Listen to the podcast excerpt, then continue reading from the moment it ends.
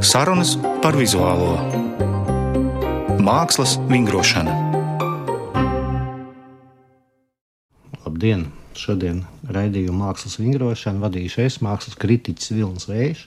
Man viesis šodien ir māksliniece, fotogrāfe Vika Eksta un baleta solists un horeogrāfs Antons Freimans. Labdien! Labdien! Neparasts salikums priekš mūsu raidījuma. Parasti tikai mākslinieki vai kuratori.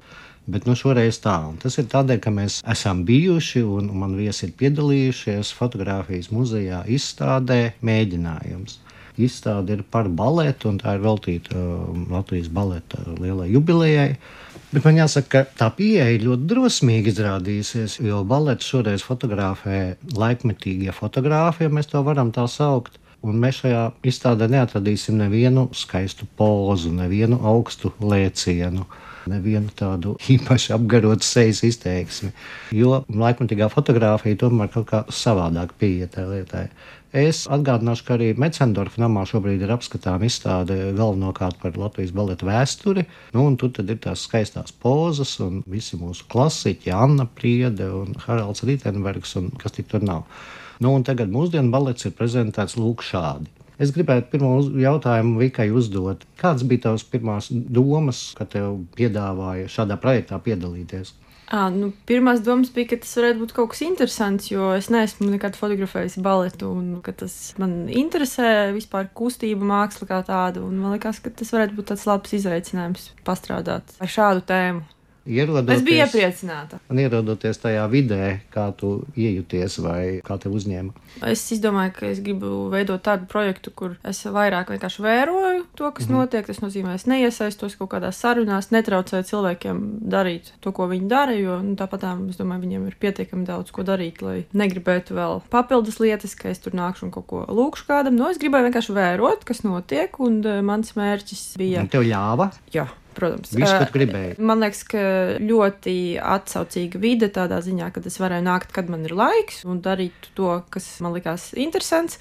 Un tas, ko es darīju, es vēroju vienas izrādes tapšanu, un šī izrāde ir uh, Balets Nižīnskis, ko arī tad uzveda horeogrāfs no Vācijas. Ko Geke?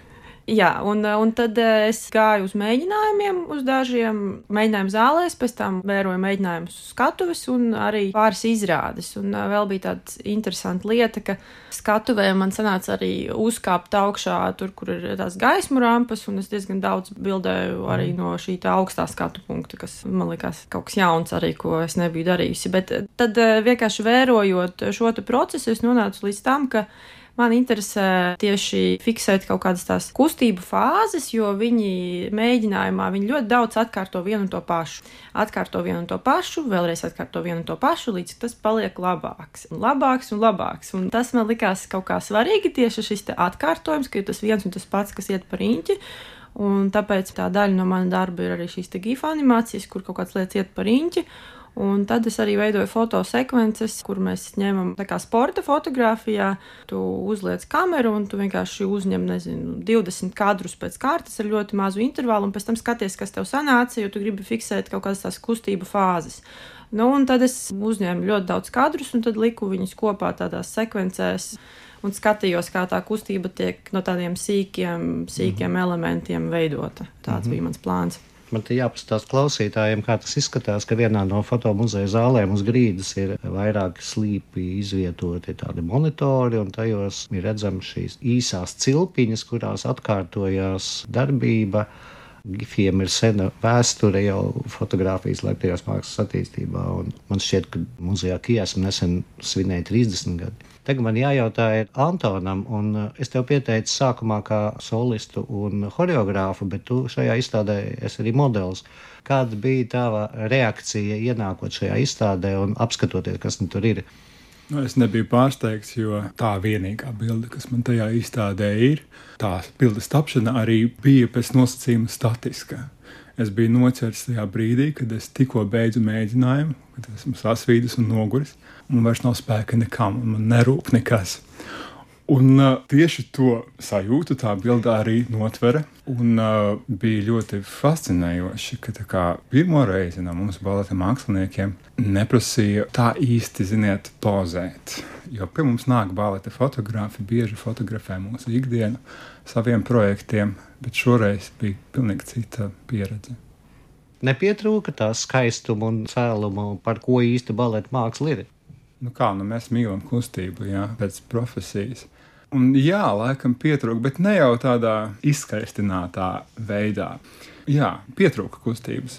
Es teiktu, ka Vikai bija viskustīgākā no visām daļām tajā izstādē, jo tā animācija kaut kā nostrādāja un piesaistīja. Šeit man liekas, ka ļoti, ļoti interesanti ir tas, ka saduras divas tās pilnīgi pretējās pieejas, jo baleta māksla ir tik ideāla, hiperprofesionāla, ar tiekšanos pēc ideāla ja, izpildījuma, tur kustības un, un tā.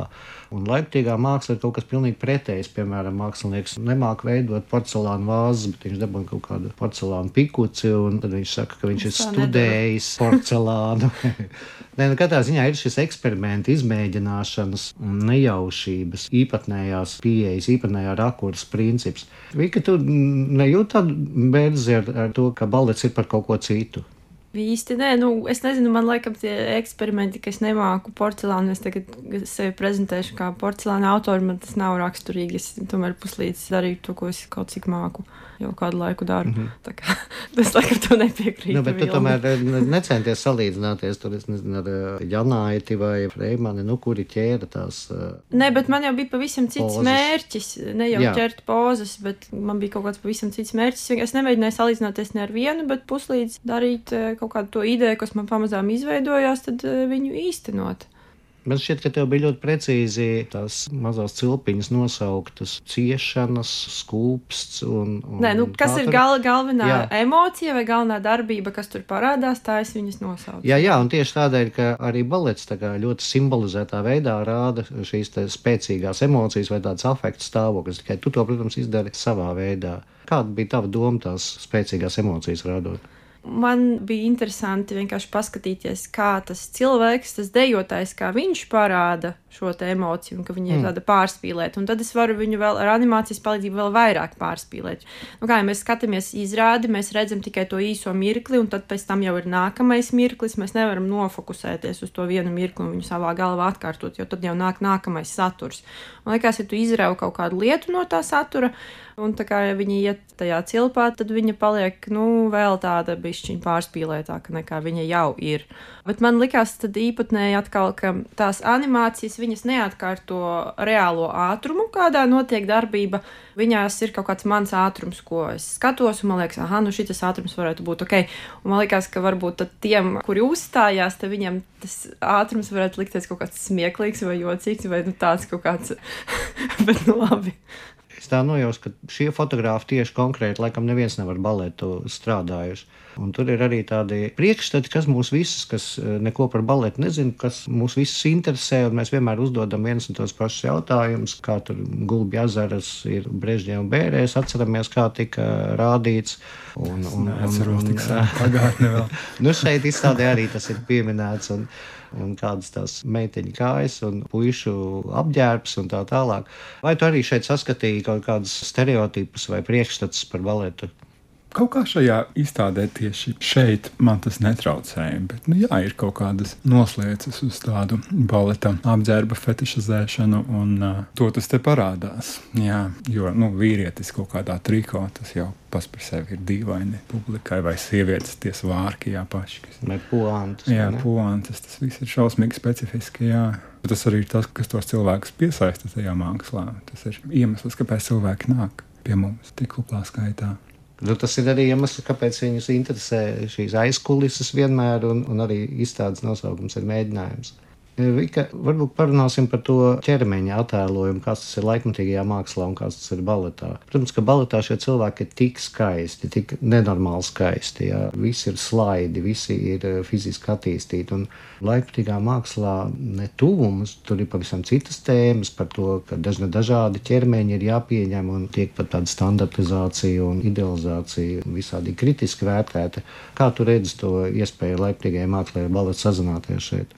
Nu, man liekas, ka šis ir tas gadījums, kad vajadzētu vienkārši pieņemt to, kāda ir šī pasaule, ar kuru mēs strādājam. Tā ir tāda pasaule, kurā mēs ielūkojamies, kurā ir šie cilvēki ar ideālajiem ķermeņiem un šīm superīgām kustībām un varbūt arī fiziskām traumām kaut kādā brīdī. Nu, vienkārši, ja mēs šajā brīdī strādājam ar šo konkrēto pasauli, tad mēs par to arī domājam. Nevis Un, ja tu iesi strādāt kādreiz ar kādu citu tēmu, tad atkal jau izvēlēties kaut ko citu. Man, es nezinu, es neredzu tur neko tādu. Jā, tur nav tādi cilvēki ar lieko svāru vai cilvēki ar izteiktām šādām vai tādām problēmām, bet nu, tas vienkārši ir kaut kas cits. Par to arī var taisīt darbus. Mūsu ķermenis nemaz nav ideāls. Mums ir sava veida profesionālās deformācijas ķermenī gandrīz visiem cilvēkiem manā profesijā.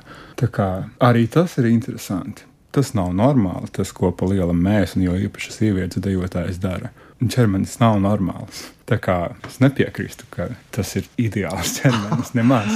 Bet ideāls jau mums var atšķirties. Mēs jau arī gribam redzēt, ka šie dejotāji pēc gara priekšnesuma nav nosvīduši, nav aizalsušies, un tas viss ir noticis viegli.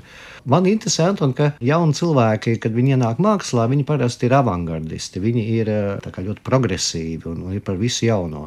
Un balets ir tieši ļoti sena māksla, un, un tā arī ir jauna cilvēka māksla. Kāda tev pašām bija pieredze? Negribējās būt huligānam vai kaut ko pretēji darīt? Nu, ziniet, es nedēļu klasisko baletu. Nu, manā repertuārā mm. nav prinču lomu. Es dejoju tikai laikmatīgo baletu. Un jā, man šķiet, ka jebkurā mākslā sākumā tev ir jāiziet klasiskās izglītības periodam. Mūzikā ir noteikti tā arī šķiet, vizuālajā mākslā, pa lielam mākslas akadēmijā tas kurs, cik es zinu, ir šausmīgi sākuma posmā ļoti konservatīvs. Un, uh, tas ir nepieciešams, tā pārsniegt ir nepieciešama. Un, bet arī tu paralēli iepazīsti to plašo laikmatīgās dēļas pasauli, mācoties baleta skolā. Un, piemēram, man pirmos piecus studiju gadus nav vispār paticis balets kā tāds. Es biju domājis, ka es pabeigšu savas mācības, savas mammas dēļ, atvainojiet, ja? un tad es iešu ārā no tās profesijas. Bet, kad vecākajās klasēs mums sāka dot meistarklases visādās matas grēmas tehnikās un tā tālāk, kas ir nedaudz brīvāks, nedaudz specifiskāks par klasisko baletu, man dēļa sāka iepatikties. Un pa lielam es izdomāju, ka es palikšu šajā profesijā, bet nedaudz citā amplitūdā. Ne kā princis, bet kā laikmatīgas rakstura dejotājs. Forši! Jā, Riktīgi forši, jā. Ideāls scenārijs atkal.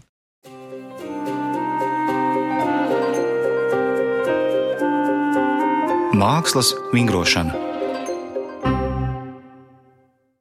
Es atgādināšu, ka jūs klausāties raidījumu mākslas vingrošana. To vadīs Vilnis Vējš, un mani viesi šodien ir māksliniece, fotogrāfe Vika Eksta un baleta solists un horeogrāfs Antons Freimans. Un mēs sarunājamies šobrīd par eh, izstādi fotografijas muzejā mēģinājumus. Antoni, es iesāku, Vika turpināja tēmu par to, ka ķermeņa aprises valoda laikmatīgajā mākslā bieži ir ārkārtīgi atšķirīga no tā, ko mēs redzam dejā un teātrī. Vai baletā arī ir iespējas būt savādākiem ķermeņiem, ja jūs domājat par tā kā morbid obesity savādākiem, tad, diemžēl, ne. Jo ne, nu tā māksla ir fiziska, nedaudz sportiska pat. Bet es esmu vairākas reizes redzējis laikmatīgajā dēļā performances, kas pat runāja viena no tām, kas bija Rīgā, bet tas bija šausmīgi sen atpakaļ. Viņi pat runāja par baletu. Tur bija viena tāda korpulenta dejotāja, kas kādreiz nodarbojās ar baletu, un tad viņa kļuva korpulenta. Tad viņa sarunājās pa telefonu ar uh, baledejotāju, kas mm -hmm. šobrīd dejo Beļģijā. Un tad viņi kaut kā prezentēja to savu korpulentību, kā dēļ. Viņa, piemēram, trīcēja pie Flight of a Bumblebee mūzika. Viņa vienkārši trīcēja ar tiem saviem atvainojiet taukiem. Un tā bija ideja, un tas bija skaisti un brīnišķīgi. Tā kā var atrast vienmēr savus ceļus šajā mākslā lai kāds tev būtu ķermenis. Bet tādā baletā, kas notiek uz operas skatuves, nu, diemžēl mums ir savi kritēriji, fiziskie. Es, piemēram, esmu brīnījies reizēm, ka es Latvijas baleta solistus nemaz tik viegli nevaru atrast viņu fotografijas vai video ierakstus tīklā. Man šķiet, ka, nu, es tur iegūlēju, nu, Roberto Bolle vai Svetlana Zahāra. Liekas, ka viņi to vien dara, kā visu laiku fotografējās un tiek filmēti. Ja?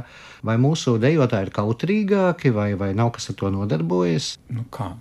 Pēc Roberta Bolas ir nesalīdzinoši lielāks nekā pieprasījums pēc Antona Freimana. Bet es nejūtu kaut kādu uzmanības deficītu arī mūsu mazajā kultūras vidē. Un, jā, nu varbūt mēs neesam tik aktīvi sevis popularizēšanā, un arī es diezgan varu droši pateikt, ka Svetlana Zahārova ir savas PR menedžeris. Jā, kāda mums Nu, nu, noteikti. tā kā paldies Dievam nav. Es teikšu paldies Dievam šajā gadījumā.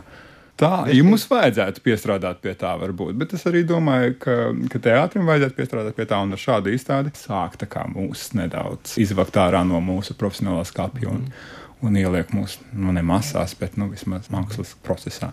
Interesanti, Vika, ka man šajā izstādē patika arī tas aspekts, ka tika kaut kā norādīts uz to, ka mēs jau arī baletu iepazīstam pat mazāk tajā skaistajā operas namā, vairāk fotografijās un tagad, protams, arī YouTube. Tur bija tāda vēsturiska fotografija no Strunča fotostudijas, kur jau senos laikos mazas meitenītes tēlo balerīnas, ja es tā sapratu. Kā tu redzi to mediju lomu baleta tēla veidošanā, mūsu saprāšanas veidošanā vispār, kas ir balets? Nu, Man liekas, ka tā mēdīņu loma ir um, patiesībā ļoti svarīga, jo liela daļa cilvēku uz baletu kā tādu ir gājuši, nezinu, divas, trīs reizes mūžā. Skolā. S- Nu, vienreiz skolā, otrreiz pēc tam studentu laikos uz randiņu ar kādu, kā es aizvedīšu viņu uz baletu. Un tad pēc tam, nezinu, mammu aizveda kaut kā. Nu, nu, tā kā lielai daļai tas ir šādā veidā, bet visi zina, kas ir balerīnas, ka balerīnas ir ļoti skaistas, ka viņām ir balti svārciņi, jo viņi kaut kur redzējuši to TV, un mm -hmm. liela daļa meitiņu arī ir gribējušas kļūt par balerīnām, vai vismaz ir domājušas par to, tāpat kā varbūt kādi cilvēki ir gribējuši kļūt par kosmonautiem senākos laikos, un tagad varbūt arī. Man arī ir eh, maza radiniece, kas mācās baletu, viņa gan Itālijā dzīvo, viņa no trīs gadiem trenējās. Tur ļoti daudz tādas meitenes, jā. Bet es domāju, ka nu, tā mēdī loma ir svarīga, jo balets, viņš dzīvo cilvēku galvās kā tēls un nevienmēr saistās tieši ar konkrētām pieredzēm iešanu uz baletu. Varbūt ir kaut kādas atmiņas, bet liela daļa ir kaut kas kaut kur redzēts internetā, televīzijā, kaut kur vēl. Es domāju, ka tas ir tiešām svarīgi. Bet gan pārsvarā tas, kas dzīvo galvās, es domāju, ir klasiskais baleta baltais, tas sieviešu mm -hmm. tērps ar, ar tiem svārciņiem. Es nezinu, kā viņi pareizi saucās. Un gulbju ezers un, un vairāk kaut kas tāds. Tā kā es domāju, ka nu, pamazām jau, gan jau tas mainīsies, šis te tēls. Anton, vai tas, ka mums ir tik ļoti daudz pieejami šobrīd attēli un, un arī video materiāli, kā nebija iepriekšējām paudzēm. Tu to varbūt nezini nemaz, būdams jaunāks. Vai tas neizdara kaut kādu vēl īpašu spiedienu uz mūsdienu dejotājiem, prasību būt vēl perfektākiem? Skatītājs var salīdzināt tur desmitiem variantu vienam un tam pašam PDD YouTube, un tad viņš aiziet uz mūsu operu un arī gaida to pašu ideālo attēlu, kur kamera ir kustīga un tūplānā. Vai tas nerada kaut kādu vēl īpašu fonu tam, ko jūs darat? Protams, bet vispār balets ir attīstījies no 90. gadiem, ja mēs tā aptuveni paņemam to tādu. Viņš ir attīstījies īpaši strauji, tā kā baleta fizikalitāte, jā, jo 80. gados cilvēki necēla kājas tik augstu, viņi nelaica tik augstu, viņi negriezās tik daudz. Viss bija daudz netīrāks. Un šobrīd, kad tu vari salīdzināt sevi caur tiem tieši video mēdījiem ar citiem profesionāliem, gan citās pasaules malās, tev ir daudz lielāka kritika pašam pret sevi, un tev ir jākļūst labākam vienkārši. Tā kā es teiktu, ka es tikai pozitīvi vērtēju to pieejamību tiem mēdījiem. Bet tu mēģini skatīties arī to, kas šobrīd ir izstādīts Mecendorfa namā. Tas ir tātad Latvijas vēstures, būtu ne fotografijas, pieņemsim, video ieraksts. Tas ir liels skepsi. Ar skepsi pastāst. Tos uh, vecos ierakstus, tā kā es saprotu, ka ir tā, ka tur tas uzsvers tika liks uz pavisam kaut ko citu. Ja tu skaties kaut kādas, pieņemsim, slavenākās balerīnas mājas plisēskas video, un tu saproti, mm -hmm. ka ja viņi uzstātos šodien, nu, to vienkārši nepieņemt, jo viņi dejo šausmīgi netīri, viņi ir andedāni, viņai ir aizgrieztas kājas un saliekta ceļā ar bez kā. Nu, viss kaut kas, ko šobrīd vienkārši pēc fakta nepieņem. Ja tu to dari, tu nevari būt mākslā. To nepieļaut jūsu repetitori. Jā, tieši tā. To vienkārši jā. tad tā fizikalitāte vairs nestrādā. Ja tu neesi perfekts, tu nevari būt šajā profesijā. Bet viņai bija atkal tā personība, tā harizma. Un es domāju, ja viņa piedzimtu šobrīd ar savām dotībām un savu slinkumu, teiksim tā, klusām, jo viņa bija diezgan slavena slinka. Viņa laikam būtu laikmatīgā dejotāja drīzāk. viņa dejot bez žāru un tā tālāk. Jā, tas ar ko arī viņi ir slaveni. Nevis klasiskā balerīna. Jo šobrīd ir pavisam citi kriteriji tam, ko mēs darām Bet tad kā tu attiecies pret tiem sajūsminātajiem faniem, kas jebkurā baleta video beigās pieraksta, ka tomēr uh, Miša Barišņikovs bija visideālākais? Un, Ja, jo tur tie jaunie nenāk klāt nemaz. nu, Parīzņikovs bija arī tehnisks un tīrs. Viņš ir fascinējošs izņēmums visā tajā mūsu mākslas vēsturē. Bet uh, balets vispār ļoti attīstās posmiem tehniski, šausmīgi strauji. Un pie šī brīža prasībām pret tehnisko izpildījumu bieži vien tas emocionālais piesātinājums lomai kļūst vienkārši neiespējams. Tā kā viņš pazūd, tev vietu, es nezinu, jums tās lietas neko neteiks, bet šanē ir tāda mm -hmm. kustība, ka tu griezies uz divām kājām uz priekšu. Un, ja tu to kustību izpildi netīri, kā piemēram Petipā laikā, 20. gadsimta sākumā pašā, viņi viņu darīja uz puspirkstiem ar saliektiem ceļiem griezās šausmīgi strauji. Tas bija jo straujāk, jo labāk. Un nav starpības, kāda ir forma visai tai kustībai. Tad šobrīd, kad tu nostājies uz pirkstiem, izstieptiem ar izstieptiem ceļiem un savāktu piekto pozīciju, tu vienkārši nespēji griezties tik ātri. Tas fiziski ir neiespējams cilvēkam. Un tad tā forma, tā prasība pret formu bieži vien noiet un māksliniecisko brīvību, kas mm tajos dejotājos, kā mājapļisēs un tā tālāk, ir tas, kas paņem tos cilvēkus. Ir jāatrod to vidusceļu starp formu un saturu mākslā. Un, Un jābauda to. Nevis jāsaka mm -hmm. cilvēkam, ka apjūsies, ka bija labāk. Nē, tas absolūti nav pareizi. Viņi bija citādāki, nevis labāki. Vika, vai tev, teiksim, pēc šī darba perioda ar šo vienu izrādi, tev arī sakrājās, mainījās kaut kādi uzskati priekšstati par baletu, par to, kā tas notiek? Man, teātra ikdienu varbūt. man grūti atbildēt, jo es vairāk vienkārši nofokusējos uz to, kā es varu izdarīt to, ko es gribu izdarīt.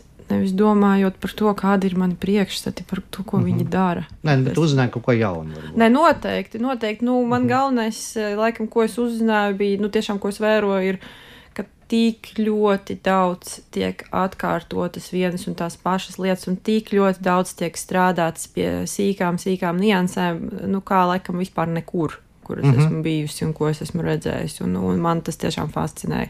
Man patīk, kad eh, līdz sīkumam izdara lietas, līdz kaut kādam pašam pēdējam, un, un, un tur tas tiešām notiek. Jā, es nebiju iedomājies, ka tas ir tik daudz. Vairāk, laikam, nezinu.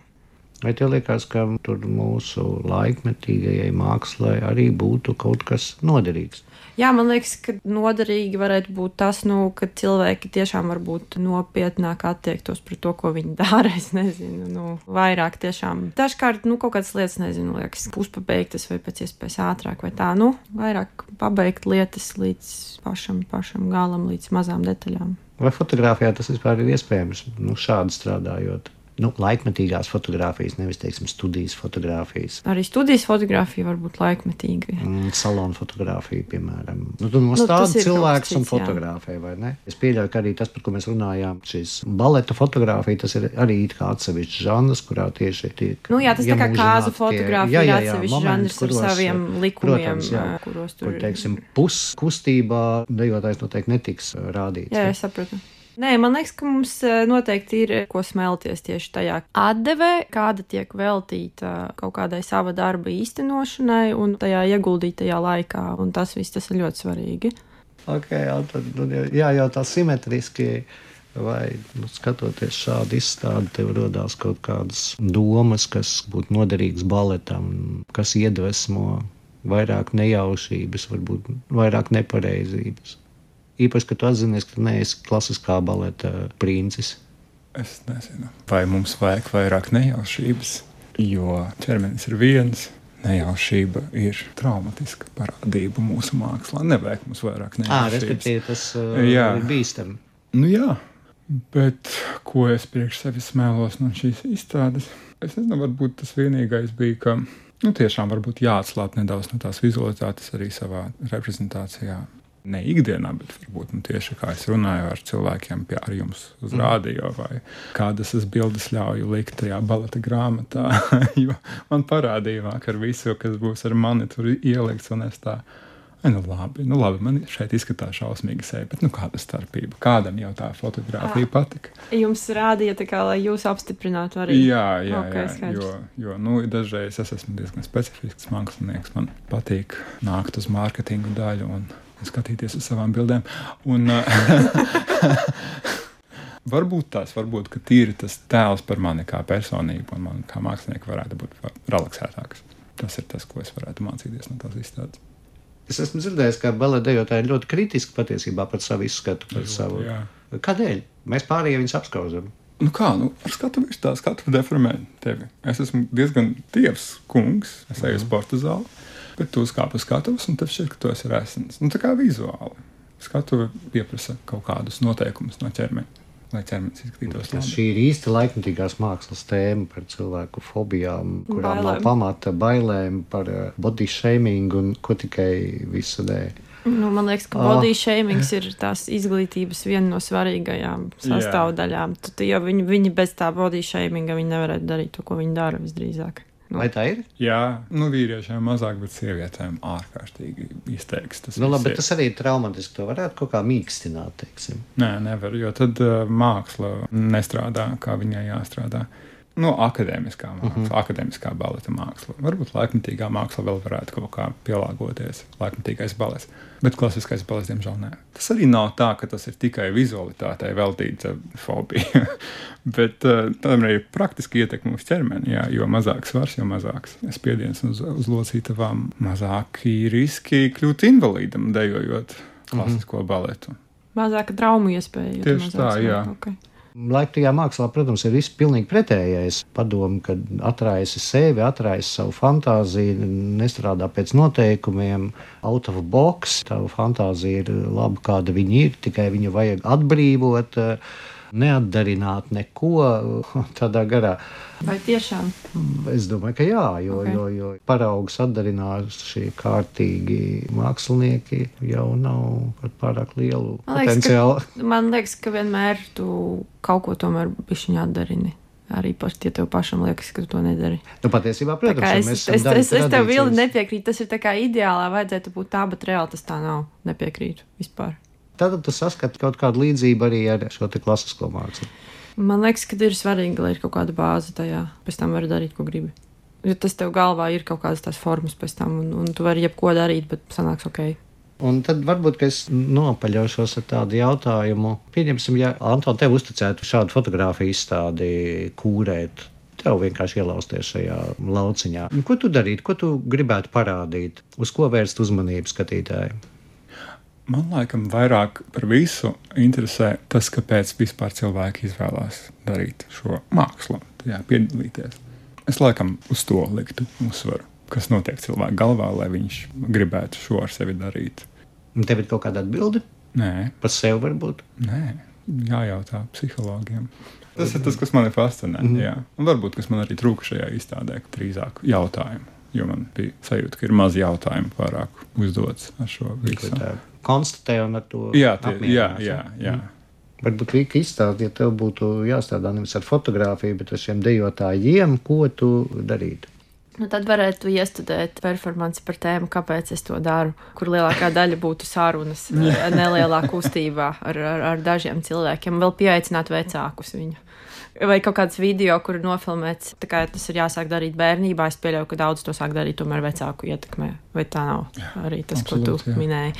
Un tad, nezinu, vajadzētu safilmēt vecākus un beigšu parunāt arī ar viņiem. Un tad kaut kāds video varētu laist, un tad tur varētu būt arī šie paši dejotāji, kas stāstītu kādu monologu un kaut kādu kustību veiktu. Es kaut ko tādu darītu. Bet tas tāpēc, ka Antons tagad piedāvāja šādu ideju, man liekas, ka viņa ļoti laba. Attiec, cik interesanti esmu dzirdējis, ka Māra Liepas, ja nemaldos, tēvs aizveda puiku uz baletu tādēļ, lai viņš fiziski harmoniski attīstās. Jā. Tāda ļoti vīrišķīga attieksme, tā kā sūta bērnu sporta pulciņos.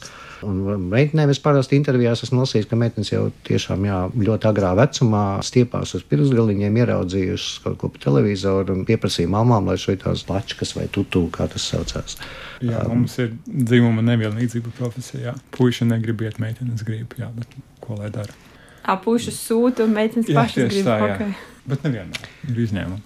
Kaut kas līdzīgs notiek arī mākslā, bet vēl ne tādā pakāpē.